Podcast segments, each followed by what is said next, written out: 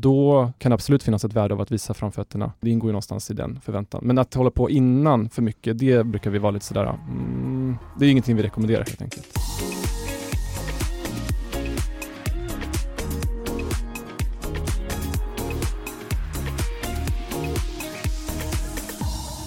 Jag och några klasskompisar som har pratat ihop oss är så fruktansvärt rädda för arbetsbelastningen och stressen man har hört om i den här branschen. Nästan till den nivån att det avskräcker en ifrån yrket. Det behövs mycket mer arbete kring detta. Det här citatet kommer från en student i en avgångsklass på Yrgo som läser till kreatör. Och vad tänker vi om det här Alicia? Ja, alltså det är väldigt sorgligt att man redan innan man har gett sig in i branschen är stressad över stressen. Och det var inte så länge sedan jag skrev en artikel om en student som, som gick in i väggen redan under sin praktik. Och det här inledande citatet då, det framkom när vi förra veckan gjorde en undersökning bland avgångsstudenterna på Yrgo och Bergs om hur de ser på sina framtida arbetsgivare. Vad som är viktigt för dem när de väljer jobb framåt helt enkelt. Det var ju ganska intressant ändå att frågorna handlade primärt om ingångslön och kreativitet och hur viktigt det var för studenterna att förbättra samhället på olika sätt. Men den här oron sipprade fram i svaren på frågan något annat som du vill skicka med till dina arbetsgivare? Här var det också någon som vädjade till branschen att lyssna på studenterna och att de inte ska ses som små slavar. Ja. Citat. Det är inte mina ord. I dagens avsnitt av Insiktspodden kommer vi att avhandla både detta och vad som krävs för att haffa framtidens talang inom marknadsföring och kommunikation överlag. Jag heter Alicia Price och är reporter på Resumé. Och jag heter Jasmine Winberg och är chefredaktör på Resumé. Och äntligen får man säga gör jag comeback i podden. Jag har faktiskt saknat det. Och du också kanske Alicia? Ja, verkligen. Alltså, det var ju inte så länge sedan jag poddade, men det är väldigt härligt att ha med dig som sällskap. Ja, detsamma. Men du, förutom det här med stressen, vad var det som framkom i enkäten? Ja, det som framkom var att framtidens kreatörer bryr sig inte jättemycket om kreativa framgångar. Eller eh, rättare sagt så bryr de sig inte jättemycket om att hamna på en arbetsplats som har rönt kreativa framgångar. De bryr sig mer om att rädda världen på olika sätt, eh, om att genom marknadsföring och kommunikation bidra till jämställdhet, den gröna omställningen eller vad det nu kan vara. Och eh, dessutom så svarar majoriteten av studenterna att lön är ganska eller mycket avgörande när de väljer arbetsplats. Det här kanske goes without saying med tanke på inledningen, men de tycker att en god arbetsmiljö, alltså arbete inom normal arbetstid och med en bra kultur, är avgörande. Och föga förvånande så vill väldigt många jobba på extern byrå. Då har vi resultaten klara för oss och det är dags att välkomna veckans gäst. Rickard Linder, programansvarig för kreatörsklasserna på Bergs. Hur står det till? Bra. Det har varit fantastiskt väder på vägen hit. Kungsholmen känns jättehärlig idag så att, ja, det ska bli jättekul. Kul att du är här. Mm, tack. Verkligen. Nu är det ju ett gäng som har gått er utbildning för art director och copywriter. Mm. De är på väg ut i arbetslivet. Yes. Vad, eh, vad vill du skicka med dem? Ja, men bara fortsätta vara sig själva så som de har varit under de här åren. Helt enkelt. Professionella, ödmjuka i en härlig mix. När vi eh, skrev artiklar utifrån den här enkäten då, mm. så var det ju också Åkestam, Holst, Forsman och Bodenfors och NordEDB som mm. att de också tittar väldigt mycket på avgångsklasserna på Bergs. Mm. Och eh, vi gjorde lite research här innan podden och mm. såg att du gjorde praktik när du eh, gick ut Bergs 2012. 13, men 13, ja. ja. Fail direkt på researchfronten. Så såg vi att du gjorde praktik på Forsman ja. och Ljungvon Matt. Ja, hur var det då, tycker du, som liksom första inkörsport där? För det var lite olika ja, storlekar på de byråerna. Ja, alltså Jungformat var i, i Hamburg, så det var en extremt stor byrå och det var jättelärorikt. Men jag längtade hem ganska mycket. De som känner mig vet att jag verkligen så. Kände att det var skönt när det var över också. Men jag lärde mig väldigt mycket av det. Den här liksom lite så tyska hierarkin som definitivt inte fanns sen på Forsman Bodenfors andra gången. Då var det ju, man fick uppleva det här golvet som jag vet inte om det finns kvar, ett orange heltäckningsmatta där alla la ut sina idéer. Det är ju säkert fortfarande så, men alltså densiteten av liksom talangkreatörer som var då i alla fall var ju så här, det var ganska häftigt som student att få ett ansikte på alla dem. Typ att sitta bredvid Anna Kvennerstedt i en soffa och så här idea på en apoteket brief. Det var hög puls kan man säga. Vad hade du för förväntningar och så vidare när du, när du lämnade Bergs och gick ut i världen som art director? Som 26-27-åring efter en sån utbildning så finns det ju väldigt mycket så naivism kvar. Det är ganska härligt. Så att jag, jag var nog ganska inställd på att det här, eh, det kommer nog bara fortsätta lite så som skolan har varit. Och det var ju lite så också. Alltså, förutom att nu var det liksom längre projekt och liksom fler kunder som kunde komma in och, och tycka saker och så. Men annars tyckte jag att det var ganska mycket samma sak. Att det gick ut på att så här, ta fram de bästa idéerna och eh, ge ut dem helt enkelt. Men jag började också på Brinnfors direkt efter och det var en fantastisk tid att verkligen få så här, det var lite som att fortsätta utbildningen. Massa så här seniora personer som nu kanske väldigt utspridda i branschen, men då var samlade och eh, var till otroligt fint stöd i början. Brinnfors storhetstid också var det väl? Ja, det kanske var det. På slutet i alla fall. Sen kanske jag kom in och sabbade, jag vet inte. Nej, men eh, det var väldigt härligt och det är väl någonting som jag tror att många av våra studenter idag som går ut också kanske ändå vill hamna på en lite så större byrå av kanske den anledningen att så då finns det mycket folk helt enkelt som man kan vända sig till och lära sig mycket av hela tiden. Och med den här liksom egna erfarenheten i, i ryggsäcken, Mm. när du eh, läste igenom svaren på enkäten, Ja. var det någonting som förvånade dig? Ja, men som jag sa till Jasmine när vi pratade om enkäten så är det ganska mycket i linje med vad jag trodde. Eh, blev som sagt kanske den här inhouse-biten, det, det vart jag ganska glad att det inte var liksom så här 90 procent eller så som, som såg sig själva på en byrå utan att det ändå var lite fler som kunde tänka sig redan nu från början liksom att börja med något annat. Jag tror alla siffror är väldigt talande för vad de är just precis nu. Så här, vad vill jag härnäst imorgon? Liksom. Ja, svaren blir lite nischade på det sättet. Och detsamma gäller kanske den, eh, den här kring typ så här, kreativa framgångar, att eh, relativt få sett i statistiken som som liksom eh, har det som sin så här huvudprio. Men jag tror att det också är lite utifrån en så här skolkontext. Alltså, man har inte kanske sett kopplingen än mellan effekt och kreativitet till exempel. Mm. Så där tror jag att, ja men okej, okay, där kanske jag hade förväntat mig lite så här att fler skulle liksom ha det som sin, så här, det är super, superviktigt. Men en passus där är väl att det är också andra program på skolan som, jag tror att det är framförallt kreatörsprogrammet och designprogrammet där den tävlingsbiten sitter djupast kanske än på vissa andra strategiska utbildningar. Då har man inte, äh, återigen, där har man kanske inte fått lära sig det än, att det finns en så stark koppling mellan de prisbelönta jobben och effekten helt enkelt. Men det får vi jobba på.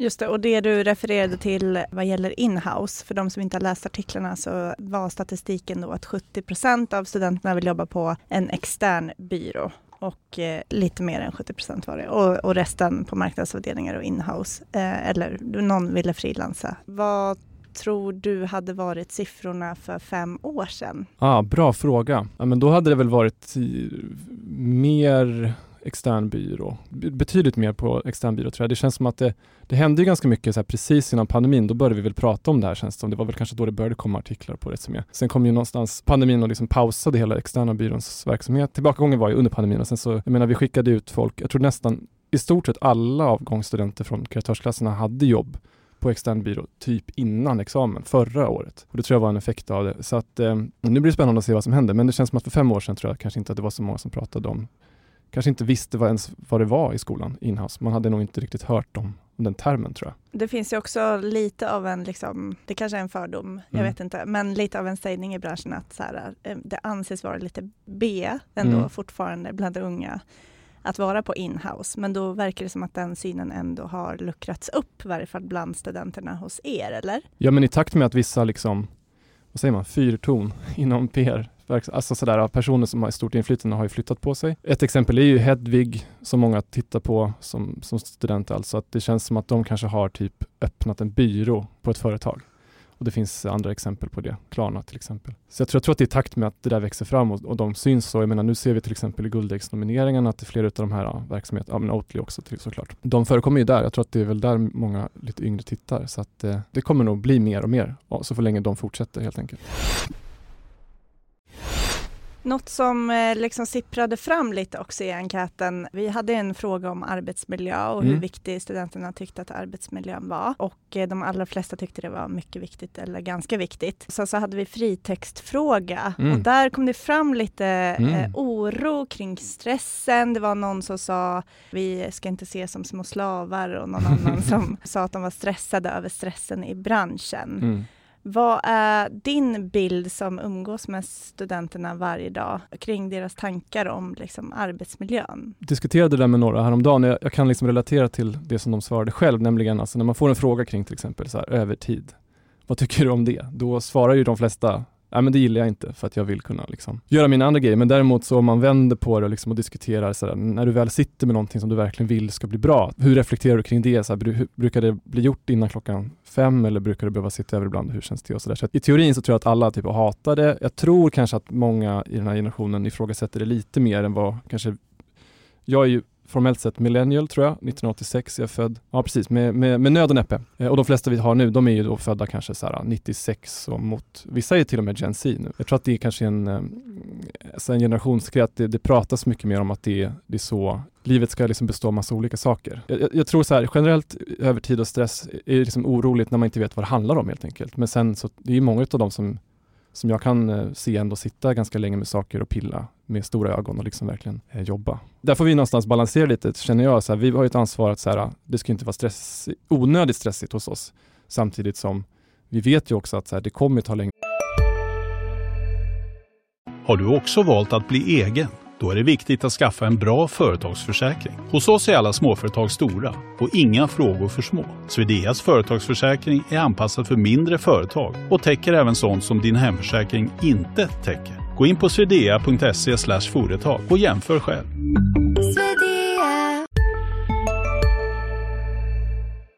tid för de här personerna att göra vissa saker än för ja, men Anna Kvennerstedt som jag nämnde tidigare till exempel. Det, det tycker jag är min största utmaning hela tiden. Att förbereda dem för någonting som kommer men också skicka ut folk som kan liksom vara med och så pusha någonting i en annan riktning. Typ. Det är också ett väldigt lustdrivet jobb och ja. så här, det kan ju också göra att man ja, men plötsligt sitter man där 22.00 och mm. håller på med sin ja. kreation eh, när det inte riktigt är meningen.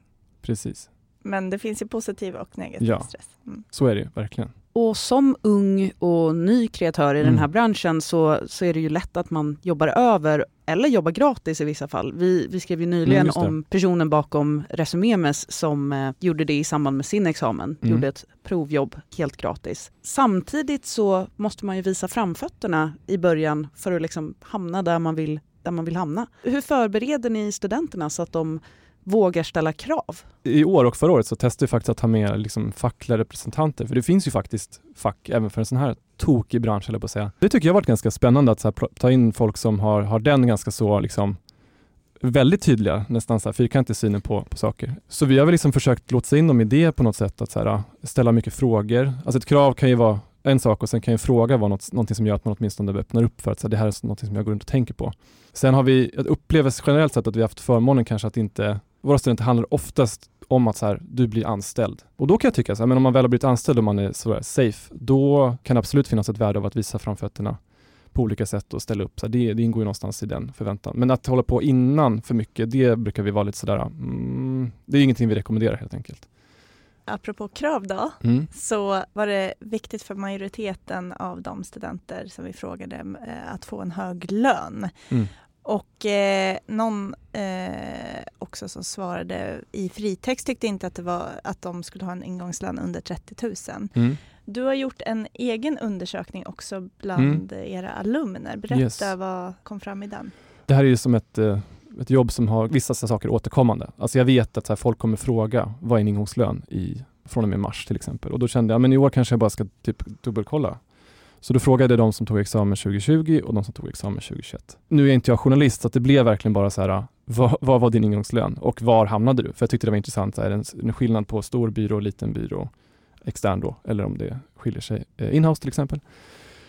Tyvärr så tog jag liksom inte med ålder, jag tog inte med kön, jag tog inte med tidigare erfarenheter, så det blir ganska trubbigt. Men det, var, det som var intressant var i alla fall att man såg ganska tydligt den här individuella lönesättningen som vi, ja, den här branschen har och då rörde det sig mellan eh, 26 000 kronor i månaden till 48 och 48 tror vi kanske är en norsk lön. Ja, det var eh, jävligt ja, högt. vi tror det. Eh, det. det. kostar väl typ 400 spänn att köpa sushi där. Så att, ja. om vi bortser lite från den så, så rör det sig liksom mellan 26 och i alla fall upp till 38-40 i alla fall. Jag tyckte det var ganska spännande bara att visa upp det för de som ska ut för att eh, jag vet inte, jag ibland upplever att det där har stått still lite. Så här 26 000 fortfarande. Om jag fick 25 på Brinfors 2013 och jag tror att det var några klasskompisar som ändå lyckades komma närmare 30 på något lite mindre ställe på den tiden, då kändes det så här, men hallå, inflation och så här. Och nu för tiden förväntas man göra kanske ännu mer saker, så här, hela den grejen att folk ska kunna så mycket. Alltså, jag har inte haft någon slide där det står så här, för guds skull, gör inte något annat. Men det har blivit så här självförklarande på något sätt. Så här, här har ni ett spann. Eh, det här är medelvärdet på typ 30 000 ungefär och eh, ja, prata med, om det här i små grupper. Så jag tror att de flesta försöker väl hamna där. Sen vet vi också att så här, vissa byråer slåss ju om andra grejer i konkurrensen, det vill säga med så här, friskvårdsbidrag och pension och den typen av trygghet också. Men jag kan tänka mig att det också är ett bra läge nu för studenter att faktiskt eh, ja, men, eh, kräva en ganska hög ingångslön just med tanke på att det är talangbrist. Yes, ja, men det tror jag. Det, det, det, nu har inte jag superkoll på exakta siffror vad folk tar, men folk ser glada ut när jag pratar mm. med dem i alla fall. men, men den här um, undersökningen du gjorde, ja. vad genererade det för diskussion när du presenterade det för studenterna? De blev nog förvånade över att det var, att det var 26 000 som var det lägsta, eh, att liksom inte det var kanske 29-30 som var det lägsta. Och sen var de nog förvånade att det gick bra mycket längre. Framförallt tror jag att den kanske ledde fram till hos de flesta, inte att de skulle få hybris och liksom vilja ha en eh, norsk lön helt enkelt, utan att de faktiskt bara skulle så här, försöka hitta ett värdigt en värdeersättning runt 30 000. Jag tror att det är säkert någon som har hamnat lite strax under och sådär ändå, men, men ja, att helt enkelt inte hamna för lågt. Så. För det var det, vi har haft in någon föreläsare som har liksom sagt nej men vi, vi lägger oss aldrig över 24 eller någonting. Något sånt kan ha hänt så i klassrummet. Så då, då tror jag att de bara känner att man vill ha någon slags kollektiv värdighet typ, i ersättning på något sätt. Vi eh, presenterade också en lista över studenternas drömarbetsplatser mm. och då var det ju då eh, NordEDB, Åkestam och Forsman, föga förvånande, mm. bland de högsta. Sen så var det några lite mer otippade, tycker mm. jag i varje mm. fall, Save Our Souls och Antrop, mm. som hamnade där i toppen. Mm. Hur eh, liksom, attraktiv, jag vet att du och jag hade en diskussion mm. där kring liksom, vad det kan bero på. Och då eh, pratade vi lite om att eh, företrädare syns både ja. hos oss och hos er. Yes. Hur effektiv marknadsföringskanal är det för en företrädare att komma till Bergs och prata? De här tre storbyråerna som du nämnde först, det är lite som så här, typ Metallicas första skivor. De, så här, de sitter i år efter år efter år. Så här, folk kommer, det spelar ingen roll, även om vi kanske inte har inne någon från de byråerna liksom på några månader, så, så det sitter typ i väggarna att de är bäst och de syns ju på, på stan. De liksom, ja, men är det lite mindre byrå så är det väldigt, eh, absolut, det räcker liksom med tre timmar för en person ibland att komma in och så här, göra ett fint avtryck. Och då handlar det ofta tror jag om att, så här, att inte kanske, alltså det intressanta är att det är ett, ett visst mått av att berätta om sig själv och sin verksamhet, men framförallt typ få studenterna att göra massa saker. Så att det är, det är någon slags intressant bakvänd grej. Men de, det är så, alltså så förebilder som står framför tavlan och som är så här, shit jag skulle kunna vara den personen. Eh, så. Någonting som, som förvånade mig var att eh, det är inte jättemånga som tycker att kreativa framgångar är, är viktigt när man väljer arbetsplats. Många tycker att det inte alls är viktigt. Det är fler som tycker att det inte alls är viktigt än som tycker att det är viktigt. Vad, mm. vad är din kommentar på det? Jag hoppas och tror att det är lite att de svarar utifrån en så skolkontext. På våren är det ganska mycket fokus för många på tävlingar på skolan och då, då är ju bara syftet egentligen att så här, vinna en tävling. Det är, det är inget, ofta så gör man briefer som är framtagna av tävlingsorganisationer helt enkelt. Så det skiljer sig ganska mycket från en, en kreativ tävling i, i arbetslivet där man gör jobb som man sen tycker har blivit tillräckligt bra för att tävla med. Och det är inte alla som liksom är med på den grejen, så jag tror att det kanske är lite så socialt skolmässigt om ni förstår vad jag menar. Alltså så här, all, alla, vill inte, alla ställer inte upp på den premissen så. Och samtidigt så tror jag också att, som jag sa lite tidigare, att jag tror inte att alla riktigt än kopplar liksom den här eh, effekten som, som är tydlig när det kommer till just kreativa grejer, utan det, jag tror att de stirrar lite blint kanske i det här fallet på just själva priset, så, tävlingen. Men det är, det är lite så här, det är bra att ta tillbaka de här frågorna för oss också, så här, se vad, om någon som har gått snett någonstans eller så. Det är också hela skolan som har svarat på den här, eller vi vet inte exakt vilka program eh, som är överrepresenterade. Och Yrgo ska Och Yrgo, Göteborg. Det kan ju vara till exempel på vissa utbildningar att det inte pratas lika mycket om det också. Innan vi rundar av det ja. här då, eh, om vi ska liksom bredda perspektivet lite, så pågår det ju som sagt en talangkris. Det är inte mm. bara liksom för den här branschen utan det ser ju ut så på, i många andra branscher också. I USA pratas det om the great resignation. Oj, oj, oj och så vidare. Mm. Vad tror du är liksom viktigast för arbetsgivare inom den kreativa sektorn framåt för att fortsätta attrahera talang? Ja, men någonstans att så här, äh, förhålla sig till, till äh, den här generationen. Kanske inte nödvändigtvis liksom göra exakt det de vill, för att jag menar det är fortfarande, äh, det kan, kommer ju krävas rätt mycket både på liksom konsultsidan och in, eh, på inhouse-sidan och på andra typer av företag också. Så att, jag tror det bara handlar om att så här, försöka liksom förstå, fråga mycket. Så här, hur går det? Check-ins, tydliga förväntningar, struktur. Jag tror att det liksom ger ganska mycket. I, man behöver inte alltid ha svaren själv som, jag menar jag jobbar ju supermycket med att svara med frågor, alltså coaching och så. Jag tror att det, det, det handlar mycket om, om det bara, att så här, få folk att stanna kvar och känna sig trygga tror jag. Så tydliga spelregler och liksom jobba mycket med, med ledarskap helt enkelt. Inte bara kasta in någon i ett hörn och tro att så här, den kommer lösa allting för att det kanske den kommer göra på sikt, men, men det här är personer som både på skolan hos oss, men framförallt kanske i sin tidigare skolgång jobbat mycket med att så här, stanna upp, utvärdera, fundera på så här, hur gick det där, vad kan vi göra bättre till nästa gång och sånt. Det är nog ändå ett tips att eh, tillämpa sådana typer av rutiner och sen faktiskt också prata om att man gör det i rekryteringssammanhang. Det har jag tänkt mycket på själv med att ha så trovärdiga liksom, policies i, för jag tror att studenterna är smarta nog att kunna till exempel så här, okej okay, men ni säger liksom på hemsidan att så här funkar er verksamhet, men frågan är om det kommer verkligen vara så när det brinner till på riktigt. Liksom. Jag menar liksom att som konsult kanske man inte kan lova alla de här policyerna för att det är de facto någon annan som kan betala pengarna helt enkelt. Jag tror att så här, hitta bra sådana tydliga eh, policy som faktiskt efterlevs och sen att jobba mycket med liksom, ledarskapet gentemot de här nya. Sen kan de nog bli helt självgående efter ett tag och bara bli långvariga helt enkelt. Så framtidens talanger behöver fostras lite i början av arbetslivet, kan man uttrycka det så?